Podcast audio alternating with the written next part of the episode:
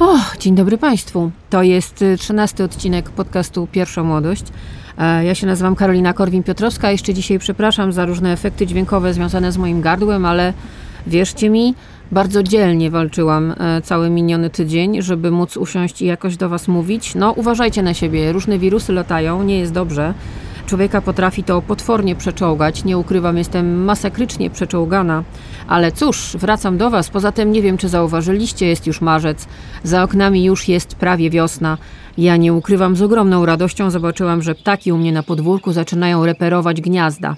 Czyli już się szykują. Kocham ten moment, kiedy one z tymi patyczkami, różnymi jakimiś sznureczkami y, latają do swoich gniazd i naprawiają po zimie. Czyli szykują się, że będą miały dzieciaki. Przypominam, jesteśmy na Spotify, na Apple Podcast i na Google Podcast, a także na moim kanale na YouTube. Premiera pierwszej młodości w każdy piątek o godzinie 18. Zachęcam Was do mm, wspomagania mnie i y, ludzi, którzy robią ten podcast na Patronite, albowiem nie pracujemy za darmo. Taki podcast, jak dzisiaj usłyszycie, robi się praktycznie cały dzień. Cały dzień przygotowań, opisywań i kombinowania, jak to zrobić, żeby było dobrze. Nie wiem, może ktoś z Was pracuje za darmo, ja wolałabym jednak nie. Poza tym, no, ta premiera 8, o 18 w piątek też jest wstrzelona, myślę, całkiem nieźle. Piszecie do mnie, że to się cudownie słucha na przykład na sobotnim spacerze z psem. Popieram. Dziękujemy bardzo naszemu sponsorowi, firmie The Candle Dust. Wchodźcie na ich profil na Instagram, na Facebooka. Mają bardzo fajne rzeczy. Wszystko ekologiczne. Nieekologicznej firmy bym nie brała na sponsora. No to co? Chyba wszystko już powiedziałam, to co powinnam powiedzieć na początku i zaczynamy. Dzisiaj będzie specyficznie. Aczkolwiek wydaje mi się, że jednak każdy z nas kiedyś się z tym zetknął. Zaczynamy. I know these rules can feel constraining, but remember, the point of this course is to learn how to write clearly and persuasively. Think about that.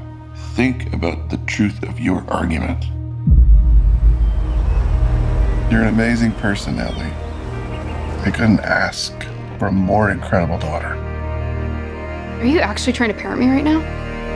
Who would want me to be a part of their life? Proszę Państwa, w Polsce wśród osób w wieku 20 lat i więcej 53% kobiet i 68% mężczyzn miało nadwagę, a 23% kobiet i 25% mężczyzn było otyłych. To są oficjalne dane NFZ-u. A dlaczego o tym mówię? A dlatego o tym mówię, że w kinach mamy film pod tytułem Wieloryb.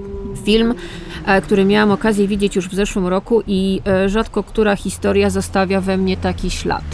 Bo to wbrew temu, co możecie przeczytać, że nie wiem, to jest jakiś fatfobiczny film, czy jakiś inny, no to jest to moim zdaniem kompletna brednia. To jest w ogóle film, który opowiada, to jest dla mnie jakaś metafora dzisiejszego społeczeństwa i dzisiejszego życia, jakie mamy. Życia, które często mm, mm, spędzamy w samotności, zamknięci w czterech ścianach, mając kontakt ze światem tylko i wyłącznie za pomocą internetu, zamawiając jedzenie przez internet. Dzisiaj wszystko już możemy zamówić przez internet. Jedzenie, miłość, kota, psa i rozrywki. To wszystko prowadzi do tego, że stajemy się ludźmi coraz bardziej zamkniętymi w sobie i coraz bardziej samotnymi. Samotność jest chorobą XXI wieku, tak jak i otyłość. A dookoła? No, co mamy dookoła? Wystarczy spojrzeć. Kult pięknego, wysportowanego ciała. Już kiedyś mówiłam, znamy to zdanie. Nie jest się ani za bogatym, ani za chudym. Mamy takie gdzieś wdrukowane w głowie takie zdanie, no, że osoba szczupła oznacza osobę y, sukcesu, osobę, która jest bogata, osobę, której się wiedzie. Jedzenie, bez którego żyć nie możemy, staje się naszym wrogiem numer jeden w dzisiejszych czasach. To jest poważna choroba. Zaburzenia odżywiania są poważną chorobą. Uczymy się dopiero podchodzić do nich jak do poważnej choroby i do osób, które cierpią na te zaburzenia. Nie podchodzimy już jak do postaci z kreskówki, tylko zaczynamy widzieć żywego człowieka. Choroba otyłościowa, bo tak to się powinno podobno nazywać według naukowców, i nadwaga dotyczą głównie mężczyzn, jak się okazuje, ale kobiety padają znacznie częściej ofiarą body shamingu, bo jak mężczyzna sobie troszkę przybierze, to myślimy sobie, och, jaki cudowny ponczuś. Jak kobieta troszkę przybierze, to słyszy, że się zapuściła i że jest foką, ewentualnie wielorybem. Czasami słyszy też, że jest grubą świnią. Mówię to jako osoba, która miała problemy metaboliczne jakiś czas temu i też usłyszała o sobie z wielu ust. że jestem grubą świnią i się zapuściłam. No cóż. Przed nami druga część zwiastunu filmu Wieloryb. You don't stay in touch with mom? She really only tells me things about you Why? Because that's all I want to know about. Why'd you gain all that weight? Someone close to me passed away, and it had an effect on me. You haven't seen her since she was eight years old and you're gonna reconnect with her? Sorry. I don't like this. This isn't a good idea. I'm sorry. You say you're sorry one more time, I will shove a knife right into you. I swear to God. Go God. ahead. What's it gonna do? My internal organs are two feet in at least. Why do you suddenly need to see her so bad? Why now? Liz. I'm worried that she's forgotten what an amazing person she is. I need to know that she's gonna have a decent life where she cares about people and that she's gonna be okay. I need to know that I have done one No właśnie, o czym jest ten film? To jest film o człowieku, który kiedyś miał rodzinę, miał żonę, miał córkę, ym, jest wykładowcą, uczy literatury. No ale pewnego dnia jego życie kompletnie się zmieniło. Okazało się, że się zakochał, zakochał się w mężczyźnie, e, zostawił swoją rodzinę. Jego żona e, zareagowała bardzo emocjonalnie i blokowała mu ewidentnie kontakty z córką. On zamieszkał z miłością swojego życia, jak mówi o swoim ukochanym. No ale tutaj też pojawiła się tragedia i ów ukochany odszedł, zmarł. I ten mężczyzna, główny bohater, Charlie, mm, komu z nas kiedyś nie pękło serce? Myślę, że kiedyś każdemu. Jemu serce pękło, ale przy okazji kompletnie zatracił rozsądek. Chociaż może rozsądek to nie jest dobre słowo. On po prostu przestał czuć jakiekolwiek hamulce w sobie, dotyczące innymi jedzenia. Zaczął się obiadać. Zaczął się obiadać ewidentnie ze stresu. Dziś, dziśmy powiedzieli, że jadł kompulsywnie. Wszystko, co napotkał po drodze, potem wymiotował albo i nie, różnie to bywało. Doprowadził swoje ciało, swoje zdrowie do fatalnego stanu. My go widzimy na początku tego filmu, kiedy jest mężczyzną, który ja przynajmniej myślałam przez moment, że on nigdy z tej kanapy nie wstanie, że to jest niemożliwe, ale nie ma taki specjalny chodzik. Jest w stanie jakoś się na niego wesprzeć i zrobić kilka kroków. Oglądamy człowieka w rozpadzie. Oglądamy człowieka, dla którego pójście do toalety, wzięcie prysznica, umycie ciała dokładnie jest praktycznie niemożliwe. Oglądamy człowieka, który ma napady y, kompulsywnego jedzenia. I to są takie sceny, które gdyby to nie był taki reżyser o klasie Darena Aronowskiego, który zrobił ten film, tylko taki trochę gorszy, to byśmy na to patrzyli ze wstydem, a my gdzieś patrzymy na tego człowieka, który pewnego dnia potrafi zjeść wszystko, co ma u siebie w szafkach w kuchni, patrzymy na niego z czułością. Patrzymy na niego ze współczuciem, bo to jest człowiek na krawędzi, jest bardzo chory. Jego serce już nie wytrzymuje, jego ciało już nie wytrzymuje. Zresztą widzimy, ta, to ciało jest potężne, ono jest ogromne, ono jest ciężkie, ono jest spocone, ono nie wygląda ładnie. To nie jest ciało człowieka sukcesu. To nie jest ciało, do którego ktoś chciałby się przytulić. To nie jest ciało, które pozytywnie nastawia do niego jego córkę, która pewnego dnia przychodzi do swojego ojca. To nie jest ciało, na które chcemy się długo patrzeć, ale poprzez mistrzostwo kamery Darren Aronowski każe się nam na to ciało patrzeć i na Brendana Frasera w tej roli. Fraser, który jest fenomenalny, który jest nominowany do Oscara i na razie zgarnia wszystkie ważniejsze nagrody krytyków. Otrzymał nagrodę Gildii Aktorów Filmowych i Telewizyjnych kilka dni temu. Mówi się, że jest no takim czarnym koniem oscarowym, bo to jest taka rola, która naprawdę jest ewenementem, gdzie on bez względu na to, czy nosił kostium pogrubiający, czy nie, moim zdaniem to jest kompletnie nieważne. On przede wszystkim emocjami, twarzą, głosem pokazał nam, co się dzieje w ciele, w duszy takiego człowieka, który wie, że się wykańcza na naszych oczach, który wie, że się zabija, który wie, że robi złe rzeczy, głupie rzeczy, i jedyna osoba, w jakiej ma wsparcie, czyli pielęgniarka o imieniu Liz, która przychodzi go tam stara jakoś się postawić do pionu, chociaż to tak naprawdę jest eufemizm, która próbuje go nakarmić, która próbuje go namówić do tego, żeby się leczył. On nie chce się leczyć. To jest człowiek, który bardzo się wstydzi swojego wyglądu, który nie chce na siebie patrzeć, który unika patrzenia na siebie. Zresztą nie ma zbyt wielu takich możliwości, ale on jest wykładowcą uniwersyteckim i prowadzi zajęcia na Zoomie.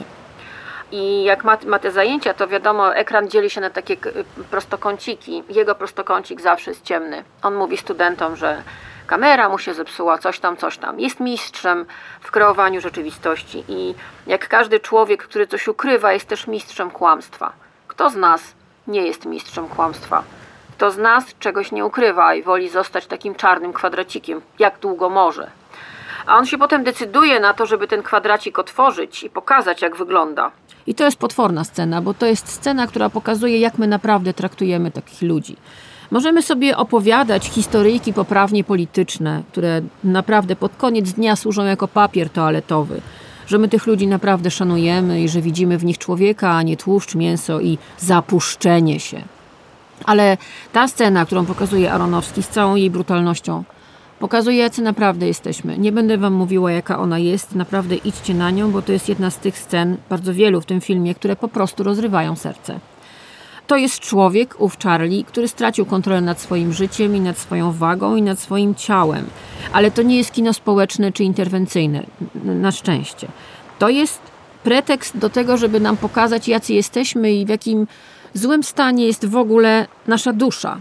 I jak nasze ciało determinuje to, jak się czujemy.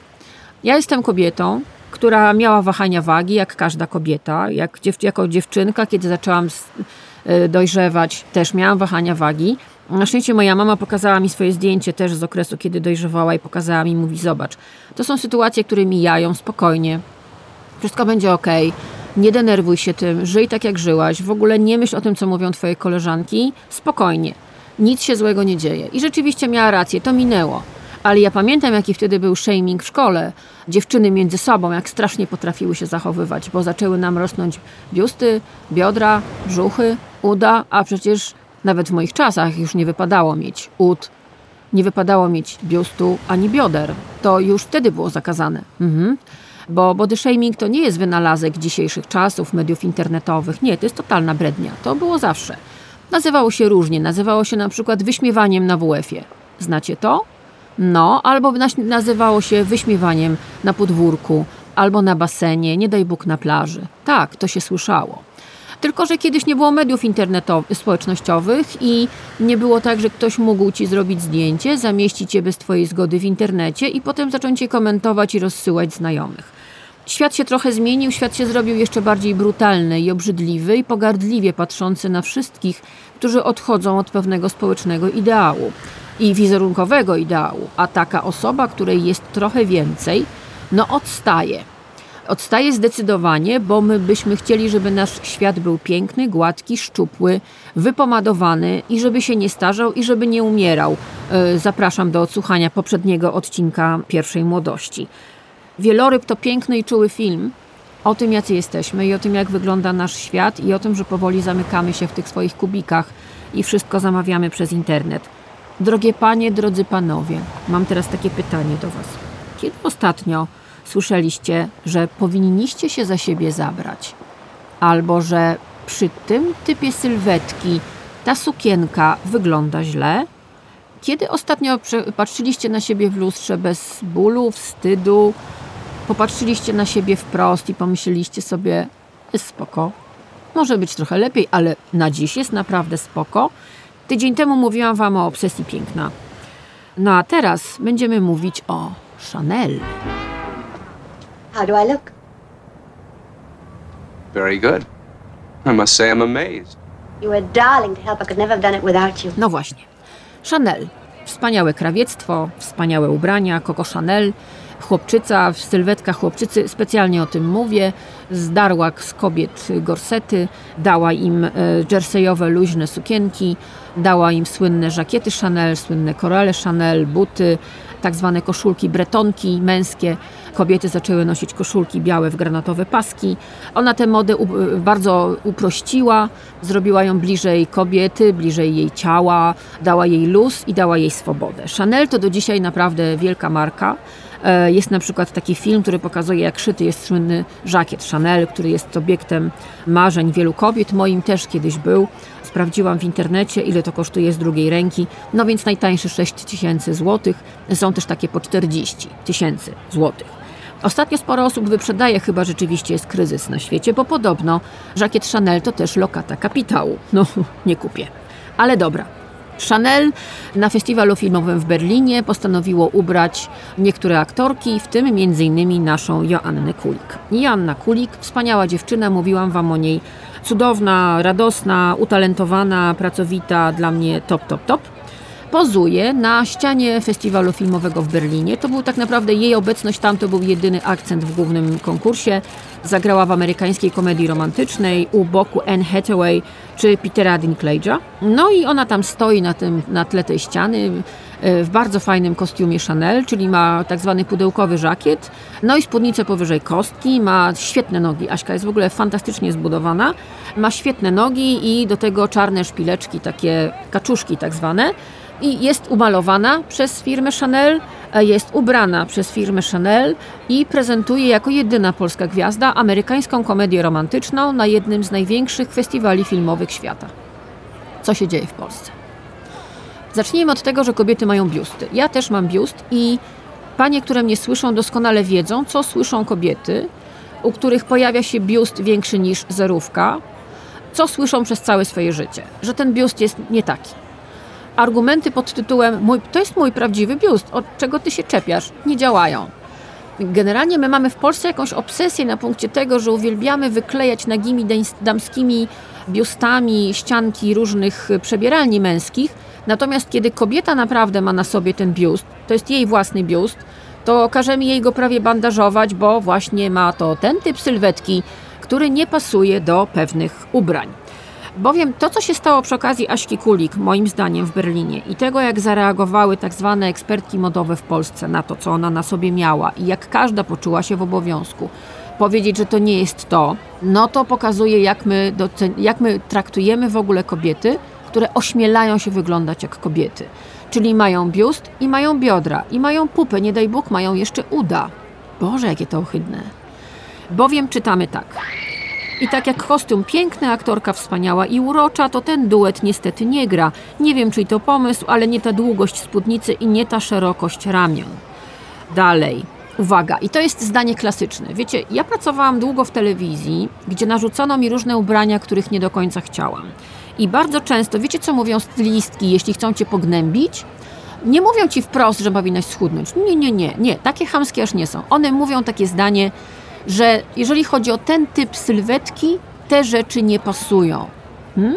Czyli jeśli masz biust, jeśli masz biodra, jeśli masz pupę, to te rzeczy na ciebie nie będą pasować, bo ubranie ma pasować. Rozumiecie? Ubranie ma pasować. I teraz tak, uwaga, to jest zdanie, które ja kocham. Kostium Chanel jest bardzo wymagający, nie tylko pod względem sylwetki. Dla mnie Joanna Kulik ma swój temperament, jest wyjątkowa i taka powinna być. I taka powinna być stylizacja. No dobrze. Powtórzę to zdanie. Kostium Chanel jest bardzo wymagający, nie tylko pod względem sylwetki. Wiecie, jak ja to czytam? Ja słyszałam takie zdanie, więc ja wiem, jak mam je czytać. Ja słyszałam takie zdanie bardzo wiele razy w życiu. I wiem, jak ono boli, i wiem, co ono oznacza. Jesteś po prostu spasioną krową, która ma biust i nie dba o siebie, i nie jesteś dostatecznie płaska i dostatecznie chuda, żeby założyć ten kostium. Po prostu wyjdź stąd. Oczywiście możemy się z tego śmiać. I oczywiście możemy mieć to w dupie, tak jak zresztą ma to w dupie Joanna Kulik, bo sama zapytana o to powiedziała, że się cieszyła na miłość boską. Przecież każda normalna kobieta, każda kobieta by się cieszyła, gdyby Chanel do niej zadzwoniło i powiedziało: Pani Karolino, no to my byśmy chcieli panią ubrać i umalować. Co pani na to? Ja bym chodziła pod sufitem.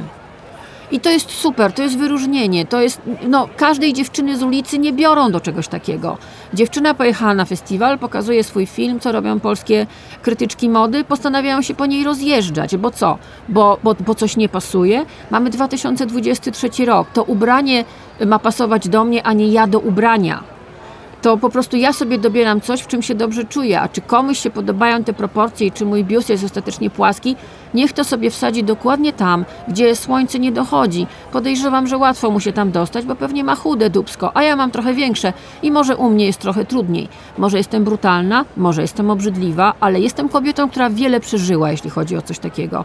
Więc jak widzę teksty pod adresem Joanny Kulik, która odważyła się założyć warty kilkadziesiąt tysięcy złotych, jak to podliczyły polskie media, kostium Chanel na siebie na festiwalu filmowym w Berlinie i jeszcze odważyła się, ośmieliła się być zadowolona, ośmieliła się uśmiechać od ucha do ucha, bo każda babka, która by się w to ubrała, nawet jakby jej to weszło tylko na jedną rękę, byłaby szczęśliwa.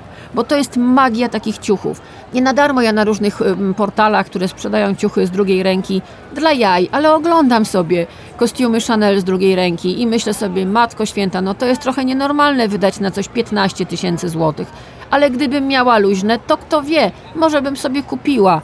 Bo nie znam nikogo, kto by gdzieś nie marzył chociaż przez sekundę, żeby to na siebie założyć. I nagle po prostu odzywa się coś takiego, bo albowiem Joanna Kulik ma biust. Jaśkę Kulik znam, ja wiem jak ona wygląda. I kiedyś gadałyśmy sobie na temat tego, jak to jest niefajnie, kiedy kobieta w Polsce nie jest płaska. To nie jest fajne. Panowie lubią to oglądać na zdjęciach, lubią to oglądać na swoich szafkach w, przebieralniach, na przykład w klubach fitness, ale jeżeli kobieta ma biust, hmm, te określenia, jakie się słyszy, nie są fajne, nie są miłe, są po prostu chamskie. Pamiętajcie, jeżeli usłyszycie jeszcze raz takie zdanie, przy tym typie sylwetki, powtórzę wam, przy tym typie sylwetki, to macie się odwrócić i powiedzieć: odwal się, zajmij się sobą, zajmij się swoim typem sylwetki. Mamy 2023 rok i to nie jest tak, że ja mam pasować do jakiegoś ubrania. To ubranie zakładam i nie myślę o tym, czy pasuje. Czuję się w nim dobrze i nikomu nic do tego. No dobrze. How do I look? Very good. I must say I'm amazed. A propos y, zdjęć i wyglądu i tego, jak jesteśmy postrzegani. Jakoś polskie media o tym milczą, a szkoda. Ja sama niedawno usłyszałam w bliskim otoczeniu historię, to nie były rozbierane zdjęcia, które pewna nastolatka zamieściła w sieci, czy wysłała koleżance, już do końca nie pamiętam. To były zdjęcia w kostiumie. Ale okazało się, że te zdjęcia gdzieś potem zafunkcjonowały i zrobiło się, delikatnie mówiąc, bardzo niemiło. Wiecie o czym mówię? Że jesteście rodzicami, pewnie często myślicie o tym, co zrobić, żeby wasze dzieci, które czasami dla zabawy, a czasami dla pochwalenia się posyłają koledze, koleżance. Wiecie, jest chmura, łatwo się do tego włamać. Ktoś złośliwie też może na przykład wysłać takie zdjęcie i zamieścić na, na jakimś profilu z dziwnym komentarzem, niefajnym komentarzem. Rozmawiamy dzisiaj trochę o body shamingu, prawda? Ciała dzieciaków są różne, dzieciaki się rozwijają, ich ciała się zmieniają.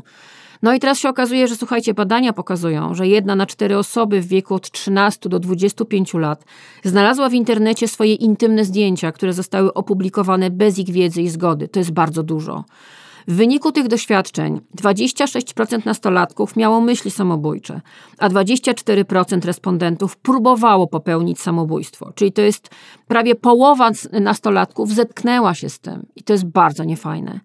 37% nastolatków, to jest strasznie dużo, przyznało, że uwaga, dla zabawy, dla zabawy, choć raz wysłało swoje nagie zdjęcie innej osobie. 62% nastolatków przynajmniej raz otrzymało niechciane intymne zdjęcie w wiadomości prywatnej na Messengerze albo w mediach społecznościowych. Tak zwane dick piki. To jest w ogóle zmora dzisiejszych czasów.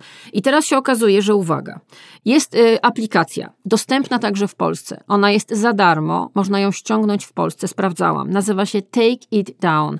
Moi patroni z Patronite'a dostaną link do tej aplikacji i bardzo mi zależy, żebyście rozesłali ją do wszystkich swoich znajomych, którzy mają dzieci, bo te dzieci mogą zetknąć się z tym problemem. Aplikacja nazywa się Take It Down. To jest tak, strona Take It Down przypisuje każdemu obrazowi unikalny cyfrowy odcisk palca. I dzięki temu takie firmy jak y, Meta na przykład, czyli Facebook i Instagram, mogą wykorzystywać go do wykrywania obrazów na Instagramie i Facebooku, usunąć te zdjęcia bezpowrotnie, czy podjąć działania, które mają ograniczyć ich dalsze rozpowszechnianie.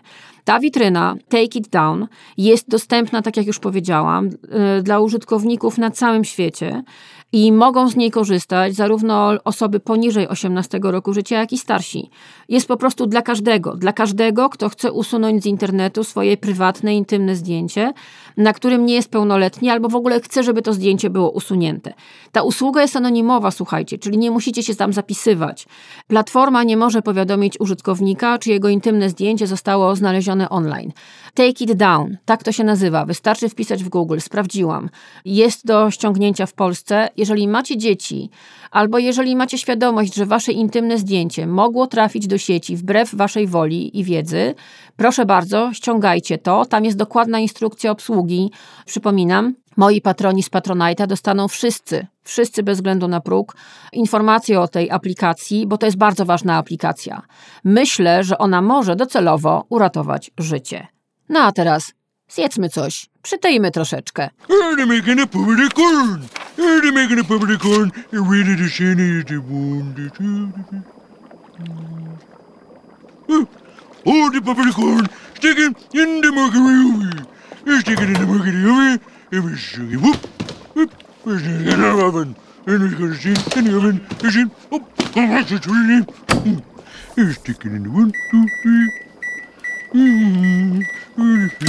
No właśnie, proszę Państwa, ostatnio chorowałam, tak jak mówiłam, leżałam zmożona chorobą i przez trzy dni prawie nie byłam w stanie zjeść czegokolwiek. Piłam tylko herbatkę z sokiem malinowym, jak dałam radę. I jak tak sobie leżałam w malignie, to sobie pomyślałam, Korwin, jak tylko wstaniesz na nogi, to po prostu weźmiesz te jabłka, co tam leżą i dogorywają na parapecie i zrobisz sobie racuchy jabłkowe. No i zrobiłam te racuchy jabłkowe w pełnej euforii, dałam zdjęcie na Instagram i dostałam ze 100 wiadomości, pani daj przepis, pani daj przepis. Słuchajcie, to jest tak proste, że aż, nieprzyzwoicie proste, no ale proszę bardzo, co ja miałam w domu wtedy? Cztery jabłka duże. Ja miałam jabłka alwa, bo je bardzo lubię i u mnie w zieleniaku są. Dwa jajka, temperatura pokojowa, trochę ksylitolu, czyli zastęp, zastępstwo cukru, troszkę soli, trochę proszku do pieczenia, mąka, zwykła mąka, ja nie wiem jaka to była mąka, ze słoika brałam i olej. Ja mam zwykły kujawski ze sklepu Biedronka. Do tego jeszcze miałam o jogurt grecki, był w lodówce i truskawki ze słoika, ale można też rozmrożone, żeby one się takie zrobiły bardziej takie, wiecie, rozciapane. I po prostu tak, na grubej tarce, to jest ważne, e, na grubej tarce trzemy te jabłka, oczywiście obrane. Do tych jabłek trzeba wciepać te e, jajka dwa i mieszać, mieszać, mieszać. Trzeba się przyglądać tej konsystencji, ponieważ niektóre jabłka puszczają sok, różne rzeczy się dzieją. I potem do, do tego dajemy tam ten ksylitol, jak ktoś lubi, troszkę soli, troszkę proszku do pieczenia. Są też patenty na wlewanie różnych aromatów, różnych między innymi pomarańczowych, cytrynowych. Aha, ja jeszcze dorzuciłam, trochę cynamonu, bo cynamon generalnie jest zdrowy i bardzo dobrze idzie z jabłkami. No i do tego potem y, sypałam mąkę, ale ją sypałam tak etapowo, cały czas mieszając, ponieważ chodzi o to, żeby ona się przeżarła, że tak powiem, z tymi jabłkami, bo cały widz polega na tym, żeby one nie były za twarde w momencie kładzenia na olej. Olej musi być rozgrzany, to też już jest y, mój patent wieloletni. Nie można czekać, że tam się do, y, nie można za wcześnie kłaść tych placków na, na tłuszcz. I kiedy ten, ta, ta konsystencja jest taka, że jesteście w stanie z tego zrobić taką kulkę w rękach i ona się wam łatwo robi, ale nie przelewa się wam przez palce, tak mniej więcej, tak, tak myślę, że to jest dobre, to, teraz, to, to, to co teraz mówię, no to kładziecie to na ten tłuszcz i z góry albo jakąś taką łopatką, albo ręką rozpłaszczacie taki placek. No i po jednej i po drugiej stronie trzeba patrzeć, trzeba sprawdzać, kiedy on jest gotowy. No i na to potem, jak ja to lubię na ciepło, wrzucamy na to jogurt grecki, truskawki, jest pysznie i to był pierwszy posiłek po chorobie zjedzony. Oczywiście cały przepis będzie dla moich patronów z Patronite'a. A co? A propos gotowania, jedzenia, a propos, że Pyrpa i kobiety mają biust, pamiętacie projekt z 2021 roku, którego autorką była Ewa Farna, jedna z najbardziej hejtowanych i body shamingowanych kobiet w Polsce? Projekt nosił tytuł Ciało, to był pierwszy singiel z jej płyty i do tego był też teledysk, w, w realizacji którego wzięły udział dziewczyny, które miały różne sylwetki, różne skóry, różne włosy, no w ogóle były różne, tak? Bo proszę Państwa, jesteśmy różni, tak? I okazuje się, że no, Ewa Farna jest dziewczyną, która nigdy nie była rozmiaru zero i nigdy dla niej to nie był problem, ale był to problem dla ludzi, którzy ją oglądali. Przede wszystkim też ona bardzo wcześnie zaczęła swoją karierę. To jest też problem dziewczyn, w ogóle młodych ludzi, którzy wcześniej wchodzą do show biznesu i naturalne są procesy fizjologiczne typu dojrzewanie. No kiedy ciało się zmienia i dzieją się z nim różne rzeczy i oni tego nie mogą e, no, przeżyć, że tak powiem, no, w- kontakcie z najbliższymi wyłącznie, ale wystawieni są na osąd świata. A wiemy, jaki jest świat. No, słaby. I Ewa Farna to było dla mnie zawsze szokujące, jak ludzie uwielbiali e, wytykać jej problemy z sylwetką. Nie wiem, czy to jest problem z sylwetką. Ja miałam okazję widzieć Ewę Farną na żywo. Jest to przede wszystkim przepiękna młoda kobieta, która no, ma sobie tyle wdzięku, że jej rozmiar w ogóle mnie nie interesuje i nigdy mnie nie interesował. Ale sama też nigdy nie sprawdzałam, jakie były te komentarze pod zdjęciami Farnej, ale w momencie, kiedy pojawił się ten projekt Ciało, to było dwa lata temu, zaczęłam sprawdzać to. To naprawdę jest przerażające. Jestem pełna podziwu dla Ewy Farnej, że ona to przeżyła. Tym bardziej, że tak jak mówię, była dziewczynką, która słyszała pod swoim adresem w sieci od anonimowych oczywiście kozaków rzeczy potworne, które mogą stygmatyzować kobiety, człowieka na całe życie. Pojawiały się też w ogóle nagłówki niesamowite. To też był taki moment, był taki okres w mediach, gdzie rzeczywiście taką dziewczyną do bicia, e, jeżeli chodzi o to, że jest większa, była Ewa Farna. I były też rzeczywiście nagłówki, bardzo niefajne, bardzo stygmatyzujące. I Ewa Farna nawet w jednym z wywiadów powiedziała coś takiego. Nikt, kto pisał te nagłówki, nie myślał, że tam po drugiej stronie siedział człowiek. I to w dodatku dziewczyna, która dopiero staje się kobietą. Moja sylwetka się zmieniała.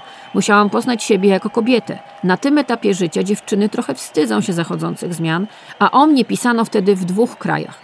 No, tak jak wam mówiłam, ja miałam mądrą mamę, która kiedy zaczęłam przybierać w okresie dojrzewania i byłam delikatnie mówiąc szokowana sytuacją, pokazała mi swoje zdjęcie z tego okresu i powiedziała: Słuchaj, wszystko minie, spokojnie, nic się złego nie dzieje, absolutnie, to jest absolutnie normalne.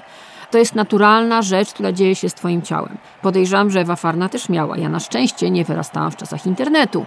Ja tylko miałam czasami niezbyt mądre koleżanki czy tam kolegów, ale to da się przeżyć. Natomiast kiedy o Twojej tuszy, o Twojej pupie, o Twoim biuście, a o Twoich udach dyskutują dwa kraje i do tego debilo media, które robią na debilo portalach debilo tytuły, no to naprawdę podziwiam tę Ewę Farną, że ona dała sobie z tym radę.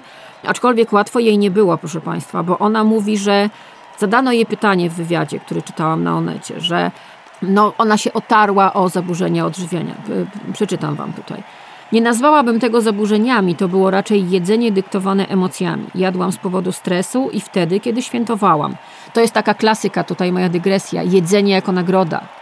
To jest wstęp do zaburzeń odżywiania. Zdecydowanie. Dalej. W końcu złapałam się na tym, że nie mam neutralnego stosunku do jedzenia. Im bardziej mnie atakowano, tym bardziej utwardzałam swoją skórę, tak, żeby nie dało się mnie zranić, bo w środku byłam bardzo krucha. Chodzenie na siłownię nie dawało mi radości, ani nie sprawiało satysfakcji. Próbowałam biegać, ale się nie wkręciłam. Starałam się, a ludzie myśleli, że totalnie to olewam i trwało to latami. Cały czas jestem świadoma rzeczy, które powinnam poprawić, ale teraz mam inne priorytety. Wiem, że mam brzuszek, chciałabym mieć mniejszy i wiem, że mam na to wpływ. Ale teraz na pierwszym miejscu jest moje dziecko, na drugim praca. Chcę zrobić płytę i wyśpiewać się z pewnych emocji. No właśnie. Ona miała gdzie uciec, pewnie miała wokół siebie mądrych ludzi. Na pewno wiele razy się popłakała. Ja pamiętam te nagłówki, czytałam sobie je specjalnie teraz. Naprawdę najtwardszego by rozwaliło. A pisano wtedy o bardzo młodej, dojrzewającej dziewczynie. Nie wiem, czy wiecie, ale mm, szefowymi takich mediów, które bardzo źle piszą o kobietach, zwykle są kobiety. Często bardzo młode. Zostawiam to tak do myślenia. How do I look? Very good. I must say I'm amazed. You were a darling to help. I could never have done it without you. No dobrze, proszę Państwa, teraz przejdźmy, bo dzisiaj tak się trochę o ciele zrobiło i o tym, jak próbujemy przejąć nad nim kontrolę. Dobra.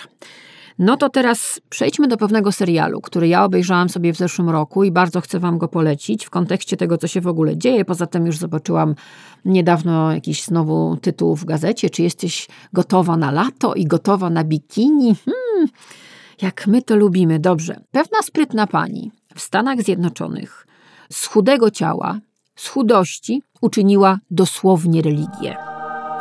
Ku przepaści. Bóg, chciwość i kult Gwen Shamblin. Posłuchajcie. Are you a prophet? I don't know what my gift name is. You're watching an interesting documentary right now. Yeah, Way Down, I think it's called. It's about this religious cult losing weight through Christ. It's bananas. Remnant Fellowship has an incredible amount of control over the minds and thinking of its members. they recommend that you, in a will, leave your children to the church. When you do not obey, you are separated from God. Kim była Gwen Shamblin? Gwen Shamblin Lara, bo tak naprawdę się nazywała, była amerykańską autorką i założycielką chrześcijańskiego programu dietetycznego. Powtórzę, chrześcijańskiego programu dietetycznego The Weight Down Workshop.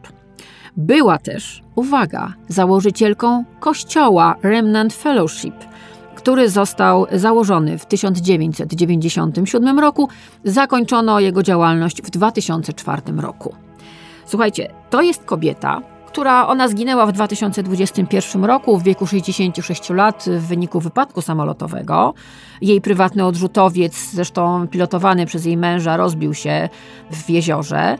No ale ta pani, zanim zmarła, zdążyła wykonać, dokonać bardzo wiele zła, a wszystko pod sztandarami chrześcijaństwa, miłości do Boga oraz władzy nad własnym ciałem. Jak wpiszecie sobie w Google, radzę wam to zrobić, bo trudno mi opisać to, co zobaczycie, ale wpiszcie sobie w Google Gwen Shamblin. Wyskoczą wam zdjęcia potwornie chudej kobiety w bardzo wysokich obcasach, w takich baby dolkach, takich sukieneczkach trochę jak dla dziewczynek, z niesamowicie utapirowaną e, fryzurą. To nie była peruka, to była jej prawdziwa fryzura, to były jej włosy. Do jej tapir, do tapirowania tej fryzury, do jej układania delegowane były członkini kościoła, którego ta pani założyła, bo to była generalnie całkiem niezła spółka. Ale no, ona tak wyglądała, wyglądała dość dziwnie. No, trudno nie oprzeć się wrażeniu, że ewidentnie cierpiała na anoreksję. Była bardzo chuda. I ona jakby od dziecka wzrastała w przekonaniu, ona pochodziła z takiego typowego amerykańskiego południowego stanu, z Tennessee, bardzo konserwatywnego, bardzo wierzącego. Ona bardzo mocno, żarliwie wierzyła w Boga. I ona zaczęła w ogóle, ponieważ chciała się odchudzić, zaczęło się niewinnie. To się zawsze zaczyna niewinnie. Zaczęła w latach 80. jako dietetyczka i ona właśnie wtedy stworzyła ten y, Weight Down Workshop. I ona jeździła z tym, uwaga, po parafiach, wyłącznie po stanie Tennessee. Ale okazało się, że ona zaczyna mieć coraz więcej fanek, które popierały to, co ona robiła. No i rzeczywiście to się zaczęło bardzo, bardzo rozrastać, wręcz w szaleńczym tempie.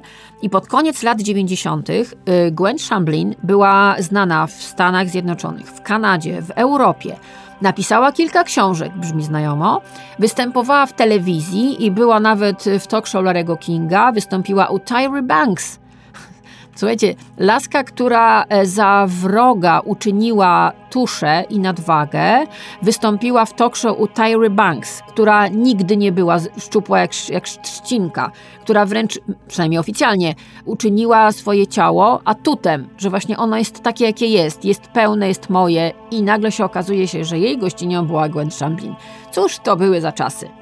To może posłuchajmy w takim razie jeszcze, jeszcze kawałek zwiastunu e, serialu, o którym Państwu chcę opowiedzieć, który jest dostępny na HBO. Bóg, chciwość i kult Głęb Shamblin. Dzisiaj rozmawiamy o tym, jak męczymy nasze ciała. No to sobie posłuchajcie.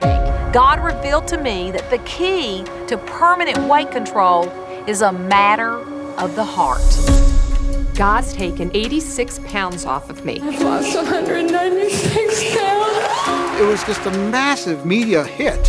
Thousands of churches all over the country would have the Way Down workshops. From that point on, she began realizing there needs to be a new church.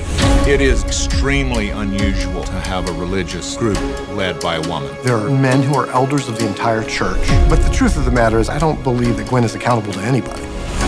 That's the reason I call her Gwen Almighty.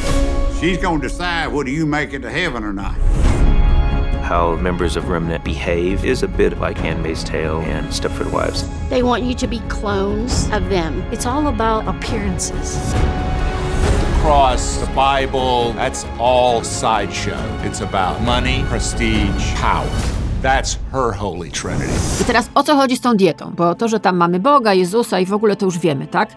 Słuchajcie, ta dieta to była głodówka.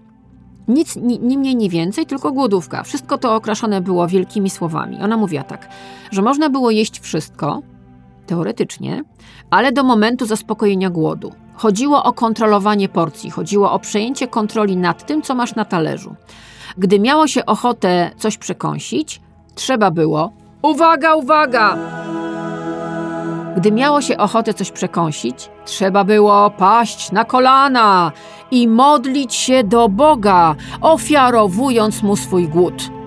Posiłek był dozwolony dopiero, gdy już naprawdę nie można było wytrzymać, mdlało się z głodu, aczkolwiek były takie jej wyznawczynie i o tym też jest w tym serialu, które naprawdę szły dalej, czy po prostu prawie przestawały jeść.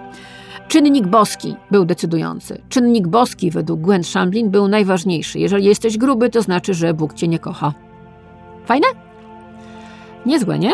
Ona cały czas mówiła o tym, że trzeba żyć w miłości do Boga i że trzeba iść e, zgodnie z naukami Biblii. Ona uważała, że otyłość jest karą za grzechy, że otyłość jest karą za brudne myśli, a dieta jest pokutą. Czyli jeżeli jesteś otyły, no to dlatego, że źle myślisz, że grzeszysz. E, w związku z tym twoją pokutą będzie dieta. W trakcie diety schudniesz, w związku z tym wejdziesz na drogę do Boga. Jakie to łatwe, prawda? Super. Są takie fragmenty w tym serialu, na których po prostu y, zachwycone panie krzyczą, że tam zgubiłam 20, 30, 40 kilo w ogóle, y, że Bóg mnie kocha, bo to jest równoznaczne, pamiętamy. Y, chudniesz, czyli Bóg cię kocha, Jezus cię kocha, żyjesz w związku, żyjesz zgodnie z Biblią, nie masz brudnych myśli. Ona sama, Gwen Shamblin, uważała się za główną służebnicę Pana, Boga, Jezusa, albowiem sama była chuda jak patyk. No, Mówiłam wam, wejdźcie sobie w Google, wpiszcie Gwen Shamblin. Zobaczcie ten serial.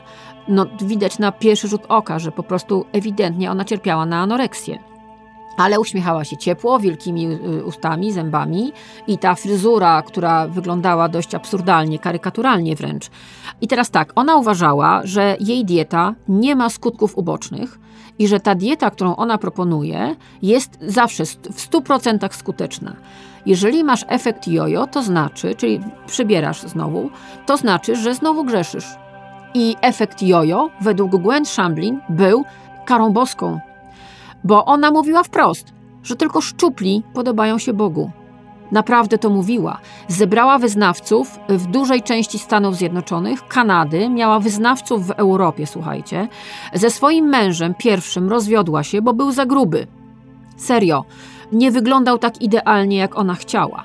Mówię Wam o Gwen Shamblin. Zaczęłam ten podcast od filmu Wieloryb, który opowiada o tym, jak mężczyzna stracił kontrolę nad swoim ciałem. Żyjemy w XXI wieku, gdzie kontrola nad ciałem staje się wyznacznikiem dobrobytu, sukcesu. I opowiadam Wam o Gwen Shamblin, która no, doprowadziła to do jakiejś chorej sekty gdzie ludzie naprawdę robili wszystko, żeby być jak najbardziej chudymi, ponieważ tylko tacy podobali się Bogu, i to, że byli chudzi, świadczyło o tym, że nie grzeszą, że nie mają brudnych myśli. Do tego potrafi być doprowadzona nasza chęć kontroli nad ciałem, nasza nienawiść do samych siebie, do naszego ciała i do jedzenia. Bo jedzenie w tym momencie staje się wrogiem, staje się czymś, co cię kusi, Czyli te racuchy, o których wam mówiłam jakiś czas temu, no to ja jestem grzesznicą. I wiecie co? Super. Bardzo mi z tym dobrze. Także proszę Państwa, patroni z Patronite'a dostaną link do tego serialu. Serial jest naprawdę wstrząsający. Zresztą zrobiła go bardzo dobra reżyserka Marina Zenowicz, która zrobiła m.in. słynny film dokumentalny Roman Polański ścigany i pożądany. To zrobiła kawał dobrej roboty. To jest y, sześć odcinków godzinnych. To jest naprawdę niesamowita opowieść. Fantastyczna, bardzo mądra i taka naprawdę wow. Jakbyście chcieli wiedzieć, to y, kościół Gwen Shamblin obecnie liczy półtora tysiąca wyznawców na całym świecie. W sumie członkowie kościoła Gwen Shamblin zrzucili w sumie około, o Jezu, 30 tysięcy funtów wagi, czyli tutaj w przeliczeniu ja czytam 13,5 tysiąca kilogramów. Teraz y, szefuje jej kościołem jej córka, która jest kopią matki i myślę, że ma jeszcze mocniejszą anoreksję, bo naprawdę wygląda po prostu niezdrowo. No dobrze. She's becoming a royal rock star. And then everything changed. No, proszę Państwa, e, jakiś czas temu tutaj było głośno w tym podcaście o Royalsach. No i dostałam propozycję posłuchania sobie audiobooka książki Ten Drugi, której autorem jest e, książę Harry. I powiem Wam tak, ja niedawno widziałam w internecie taki filmik, taki trolling w stronę księcia Harego, gdzie jego książka, wydanie papierowe, została przerobiona na kosz na śmieci. To dość ciekawy trolling, ale po co marnować papier, kiedy można posłuchać? Ja posłuchałam, to jest ponad 20 godzin nagrań. W polskiej wersji czyta to wszystko Filip Kosior, czyli naprawdę top lektorów i gdybym była księciem Harym, wysłałabym mu naprawdę skrzynkę dobrego wina, czy co on tam lubi, bo on uczłowiecza to, co tam jest napisane, a to, co tam jest napisane jest, jest ciekawe, muszę przyznać. Jest ciekawe chociażby dlatego, że to, czym zajęły się media, zanim ta książka ukazała się innymi w Polsce, to były te tak zwane smaczne fragmenty, czyli te oczywiście takie skandalizujące, pokazujące na przykład to, kiedy książę Harry stracił dziewictwo i z kim i czy miał odmrożonego penisa. Ta książka jest jednak ważniejsza moim zdaniem zupełnie gdzie indziej, zupełnie na innym poziomie. To jest niesamowita opowieść o tym, że bajka o miłości i solidarności między Williamem i Harrym, miłości i solidarności braterskiej, to jest jeden z największych bullshitów, które nam zaserwowano od momentu, kiedy ci chłopcy pojawili się na świecie. Bo nie to, że oni się nienawidzili. Nie. To jest opowieść o obsesyjnej wręcz rywalizacji braterskiej. I słucha się tego, bo ja słuchałam wersji, która jest dostępna na Empik Go Max. Tego się słucha ze ściśniętym gdzieś sercem, bo mamy dwie bardzo różne indywidualności. Mamy dwóch chłopaków, nad których wychowaniem tak naprawdę niewiele osób wbrew pozorom czuwało, którzy rywalizowali ze sobą, z których ten jeden, ten starszy, który wiedział od dziecka, że będzie królem, był traktowany zupełnie inaczej niż ten młodszy. I ten młodszy, nikt mu chyba nie wytłumaczył, dlaczego tak jest. Tak mi się wydaje. Znaczy, tam przebija, z tego, z tej książki Harego taki naprawdę ból. Ta opowieść Harego y, w książce Ten drugi pokazuje, no, jak patologiczną rodziną i dysfunkcyjną jest rodzina królewska. Bodaj w serialu The Crown serialowy y, książę Karol, obecny król, mówi, że gdyby byli normalną rodziną, to opieka społeczna by od nich nie wychodziła. I wiecie, ja cały czas w tle słuchając audiobooku książki ten drugi, miałam to, to zdanie. Bo to jest opowieść o dysfunkcji, o bardzo głębokiej dysfunkcji i o tym, że między tymi chłopcami powstał już taki mur, moim zdaniem. Dzisiaj są to dorośli mężczyźni, że to, co my oglądamy, nie, nie stało się teraz. Nie, to było od zawsze. Tylko to było zasypywane na potrzeby PR-u, na potrzeby ładnego zdjęcia, na potrzeby tego, że firma musi funkcjonować, a przecież jesteśmy utrzymywani z pieniędzy podatników, w związku z tym musimy ładnie wyglądać. No jakby to wyszło, kiedy synowie Dajany okazałoby się niezbyt się lubią? Bo niestety, ale ja mam takie wrażenie po tej książce. Jeżeli my czytamy teraz w mediach, że może dojdzie do pogodzenia się, to wydaje mi się, że nie za bardzo, bo oni już dawno nie są ze sobą pogodzeni.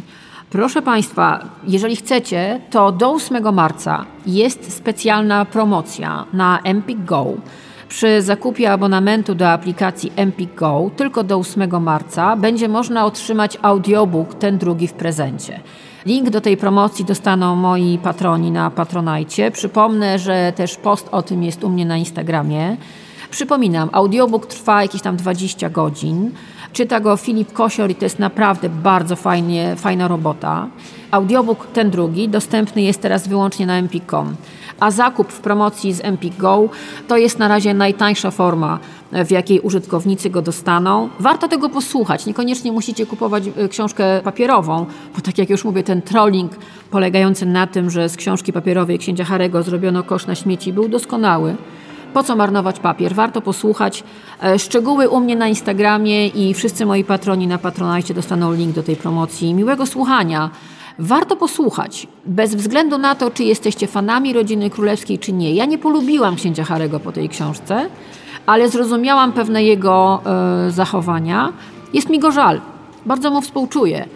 Ale myślę, że jest to człowiek tak głęboko zraniony i tak głęboko złamany, że nie wiem, czy kiedykolwiek się, nie mówię naprawi, ale wyleczy po prostu.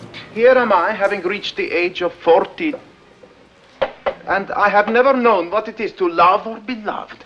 It is like the legend of the sleeping princess, only here it is the prince who sleeps and awaits the kiss of the beautiful young maiden that will bring him back to life.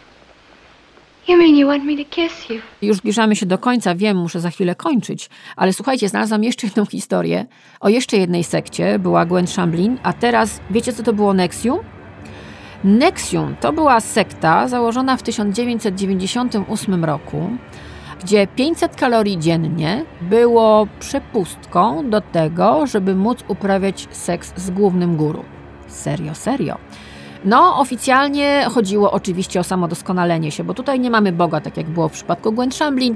Tu mamy samodoskonalenie się, tu mamy zmianę życia, tu mamy taki rodzaj patocoachingu, który teraz zalewa internet, ale niejaki Keith Raniere zbudował wokół tego całą ideologię i zbudował właśnie między innymi to Nexium. I to wszystko z, na pierwszy rzut oka wyglądało jak taki typowy program szkoleniowy. Mamy tego masę w sieci który jest oparty na takiej sprzedaży bezpośredniej, można było wykupić konkretny poziom doskonalenia się, taka trochę piramida, bo ten marketing też był wielopoziomowy. Rzeczywiście Ranieri, który był założycielem Nexium, był absolutnie zafascynowany i tego nie ukrywał wszystkimi piramidami finansowymi, między innymi Amwayem. Nexium nie obiecywało nikomu zbawienia ale za to obiecywali wytężoną pracę nad sobą i nad doskonaleniem siebie i walkę ze słabościami. To jest to, o czym dzisiaj mówimy. Masz walczyć ze swoimi słabościami. Twoje słabości widać w Twoim ciele. Trzonem tej organizacji była Executive Success Programs. Tak to brzmiało. I to była taka specjalna grupa, która oferowała właśnie różne warsztaty, dzięki którym mogliśmy się samo doskonalić. Jeżeli oczywiście mieliśmy dużo pieniędzy, bo uwaga, Pięciodniowe warsztaty kosztowały 2700 dolarów, a potem oczywiście pniesz się po szczeblach sukcesu, cały czas się doskonalisz, dostajesz kolejne szarfy, bo oni tam dostawali takie szarfy i w tym e, filmie dokumentalnym są sceny, naprawdę, mówię wam, dorośli ludzie zachowają się jak dzieci w przedszkolu. No to naprawdę tak wyglądało. Dorośli ludzie, bo dostali szarfę, łzy, wzruszenie w ogóle. Tylko tutaj właśnie widzisz, musisz zapłacić trochę więcej pieniędzy, no i tam y, chodzi nam o samo doskonalenie się. I teraz tak, aby osiągnąć dalszy etap wtajemniczenia, trzeba było oczywiście wydać więcej pieniędzy, bo trzeba było opłacić kolejne kursy. Czyli to była taka typowa piramida finansowa, która była związana z wyciąganiem pieniędzy od ludzi, ale oczywiście wszystko pod płaszczykiem samodoskonalenia się. Takie zdanie, bądź najlepszą wersją siebie. Ile razy słyszeliście to dokoła? No i słuchajcie, o ta sekta zwerbowała w szczycie całą masę też znanych ludzi. W sumie należało do niej 16 tysięcy y, członków w samych Stanach Zjednoczonych. Były tam gwiazdy filmu, m.in. Battleship Galactica, spadkobierczynie wielkich fortun. No naprawdę, to była taka sekta, która nie była dla byle kogo, że tak powiem. Zresztą oni z założenia jakby taki e- element wyższościowy, pogardy dla innych, którzy są gorsi, był absolutnie obecny. Zresztą posłuchajcie. If we understood the world and if we understood ourselves, that's worth everything. ESP Nexium is a methodology that allows people to optimize their behavior. Nexium is the umbrella company. Keith was the founder. He was a legend. Our main belief is to have people experience more joy in their lives. It's a worldwide organization. When conventional solutions don't work, maybe the unconventional way of thinking does. I was looking around at all these people that just didn't seem joyful. I started to get concerned. Członkowie tej sekty nie mieli czasu na życie poza ramami tej organizacji. Oni byli totalnie odcięci praktycznie od świata, od znajomych, od swojego dawnego życia. Oni między innymi w nocy mieli obowiązkowe treningi siatkówki z założycielem sekty. Jeżeli ktoś się na takim treningu nie pojawił, wzbudzał zaniepokojenie. No, był inny, okazało się, zaczął odstawać, prawda? Tam się działy naprawdę bardzo różne dziwne rzeczy, między innymi to, że kobiety w tej sekcie doprowadzane były do stanu wyczerpania, bo chcąc przypodobać się szefowi sekty i iść z nim docelowo do łóżka, bo on lubił chude kobiety, tylko chude, znowu chude, bez biustu, bez bioder przechodziły na dietę 500 kalorii między innymi. Córka aktorki Catherine Oxenberg, India Oxenberg, ona na takiej diecie, bo była też członkinią tej sekty, spędziła rok na diecie 500 kalorii dziennie. Znaczy organizm po czymś takim jest po prostu wyniszczony. Mało tego, wypalano też kobietom nad łonem takie różne symbole. No, nie chcę w to wchodzić, ale generalnie to jest też historia o tym, o czym dzisiaj mówię Wam od początku. O tym, jak przejmujemy kontrolę nad ciałem, Ale żeby nie, nie być oskarżonym, nie wiem, o narcyzm, o to, że się chcemy podobać, dorabiamy do tego różne protezy. Gwen Shamblin mówiła nam o Bogu i że Bóg kocha tylko szczupłych. Ranieri mówił o samodoskonaleniu się, że trzeba być kolejną, lepszą wersją siebie, ale drogą do tego też jest to, że masz być chudy, masz być szczupły. Kobieta, która była zaszczycona jego uwagą i stosunkiem seksualnym, musiała być chuda. On lubił chude kobiety. W związku z tym one, walcząc też o pozycję w tej sekcie, odchudzały się, musiały przejąć kontrolę nad swoim ciałem, które oczywiście musiało być wystarczająco doskonałe, aby trafić do łóżka swojego przywódcy. Serio, serio. Wiecie, że Nexium miało przez lata opinię wzorcowej organizacji. Mało tego, na jej pokładzie był nawet Dalai Lama. Serio, serio. Posłuchajcie. You know, these are adult women, and this is their choice. Nobody joins a cult. They join a good thing. All of the accusations are not true. Everybody is a blend of good and bad. You're branding my fucking wife. The unknown is scary, and some of the consequences are harsh. Przysięga to dziewięcioodcinkowy serial dokumentalny i on przedstawia historię sekty Nexium od początków sekty do momentu aresztowania Raniera, no, który został postawiony przed sądem, co nie zmienia faktu, że do, te, do momentu postawienia przed sądem zarówno zdążył z, zgromadzić bardzo wiele pieniędzy, jak i wykorzystać e, całą masę kobiet. No i proszę Państwa, udało nam się, udało mi się, dotrwałam jakoś, nie udało mi się zakasłać, przeżyłam. Dzisiaj było o ciele i o wstydzie i były też racuchy z jabłkiem, które bardzo lubię. Bardzo dziękuję, że y, lubicie te przepisy. Nie, na razie nie zamierzam wystąpić w żadnym programie kulinarnym. Nie, nie zamierzam na razie wydać książki y, z przepisami. Zamierzam przygotowywać się powoli do kolejnego podcastu, do kolejnego odcinka. W związku z tym bardzo dziękuję jeszcze raz moim sponsorom The Candle Dust. Dzięki nim możemy spokojnie co tydzień pracować. Dziękuję również moim patronom na Patronite. Wasze wpłaty, wasza pomoc jest bardzo ważna i bardzo się liczy. Sprawdzajcie, jakie progi wybieracie i sprawdzajcie też, bo to się ostatnio robi jakiś problem, że macie po kilka adresów mailowych i potem nie wiecie, pod który adres mailowy przychodzi newsletter. Newslettery uwielbiam je robić. Myślę, że nauczyłam się je robić bardzo fajnie i wiem, że je lubicie i chciałabym, żebyście je wszyscy dostawali na czas. W zależności od tego, jaki macie próg, taki macie newsletter. Dlatego sprawdzajcie na Patronite. To jest ważne. Co jeszcze muszę powiedzieć? Co ja jeszcze muszę powiedzieć? No nie wiem. Wiosna za oknem, słuchajcie. Bez względu na to, jaki macie rozmiar, pamiętajcie to, wy się macie czuć w ubraniu dobrze. To nie jest tak, że macie się wciskać w jakieś gacie, w jakieś szmaty, bo ktoś wam powiedział, że to jest dobre dla waszego typu sylwetki. Jak ktoś wam mówi przy tym typie sylwetki, to powiedzcie mu w oczy, wsadź to sobie w dupę. Naprawdę przestańmy to robić, mówię to jako osoba, która sama to przerobiła. I wiem, jakie to jest okropne słyszeć pod swoim adresem przy tym typie sylwetki. Albo generalnie nie panujesz nad sobą, albowiem zjadłaś już cztery racuchy z jabłkami okraszone jogurtem greckim i truskawkami. Tych racuchów Wam życzę. Miłego piątku Wam życzę, jeżeli słuchacie tego premierowo w piątek. Przypomnę, premiera podcastu Pierwsza Młodość w każdy piątek o godzinie 18 na Spotify, na Apple Podcast, na Google Podcast i na moim kanale na YouTube. Bardzo zależy nam na tym, żebyście subskrybowali, dawali oceny i puszczali to dalej, albowiem ten podcast który już powoli chyba jest sukcesem. Jest sukcesem dzięki Wam i nie mamy żadnej reklamy i póki co na razie nie przewiduję. Mam nadzieję, że to już wszystko. To był podcast y, Pierwsza Młodość, który przygotowała i prowadziła Karolina Korwin-Piotrowska. Moim wydawcą jest Mateusz Nowosad, a nagrywaliśmy w studiu Silent Scream. I na koniec, kobieta, która chce wierzyć w to, że miała gdzieś opowieści o tym, co pasuje przy takim typie sylwetki. Na koniec, pierwszej młodości, jedyna i niezapomniana Marilyn Monroe. Bądźcie zdrowi. Do usłyszenia.